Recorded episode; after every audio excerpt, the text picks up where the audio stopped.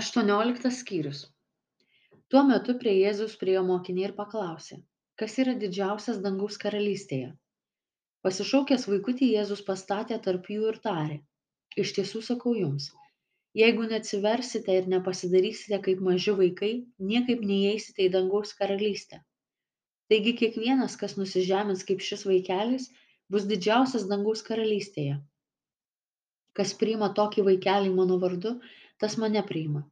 O kas pastumėtų į nuodėmę vieną iš šitų mažutėlių, kurie tiki manim, tam būtų geriau, kad girnų akmuo būtų užkabintas jam ant kaklo ir jis būtų paskandintas jūros gelmėje. Vargas pasauliui dėl papiktinimų. Papiktinimai neišvengiami, bet vargas tam žmogui, per kurį papiktinimas ateina. Jei tavo ranka ar koja traukia tave nusidėti, nukirsk ją ir mesk šalin geriau tau sužalotam ar luošam įeiti į gyvenimą negu su abiem rankom ir kojom būti įmestam į amžiną ugnį. Ir jeigu tavo akis traukia tave nusidėti išlupk ją ir mesk šalin. Tau geriau viena akiai įeiti į gyvenimą negu su abiem akim būti įmestam į pragaro ugnį. Žiūrėkite kad nepaniekintumėte nė vieno iš šitų mažutėlių. Nesakau jums jų angelai danguje visuomet mato mano dangiškojo tėvo veidą. Žmogaus sūnus atėjo gelbėti kas buvo pražuvę. Kaip jums atrodo jeigu kas turėtų šimtą avių ir viena nuklystų argi jis nepaliktų devyniasdešimt devynių ir neitų į kalnus ieškoti nuklydusios?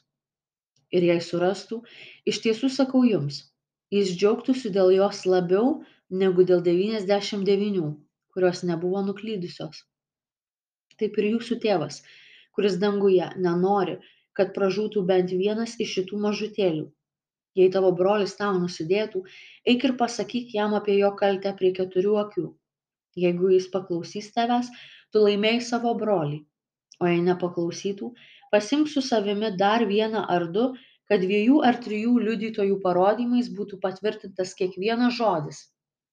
Jeigu jis jų nepaklausytų, pranešk bažnyčiai o jei neklausys nė bažnyčios tebūna jis tau kaip pagonis ir muitininkas.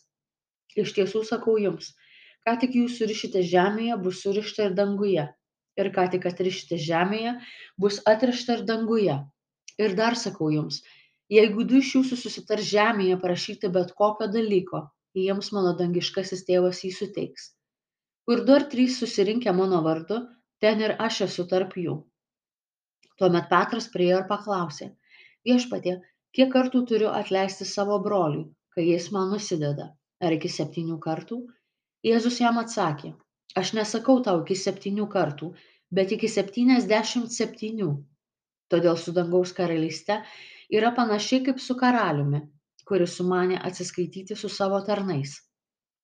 Jam pradėjus apyskaitą atvedė pas jį vieną kuris buvo jam skolingas dešimt tūkstančių talentų kadangi šis neturėjo iš ko grąžinti skolą valdovas įsakė parduoti jį jo žmoną ir vaikus bei visą jo nuosavybę kad būtų sumokėta skola. Tada parpuolęs tarnas jį pagarbino ir tarė turėk man kantrybės aš viską tau sumokėsiu. Pasigailėjęs to tarno valdovas paleido jį ir dovanojo skolą.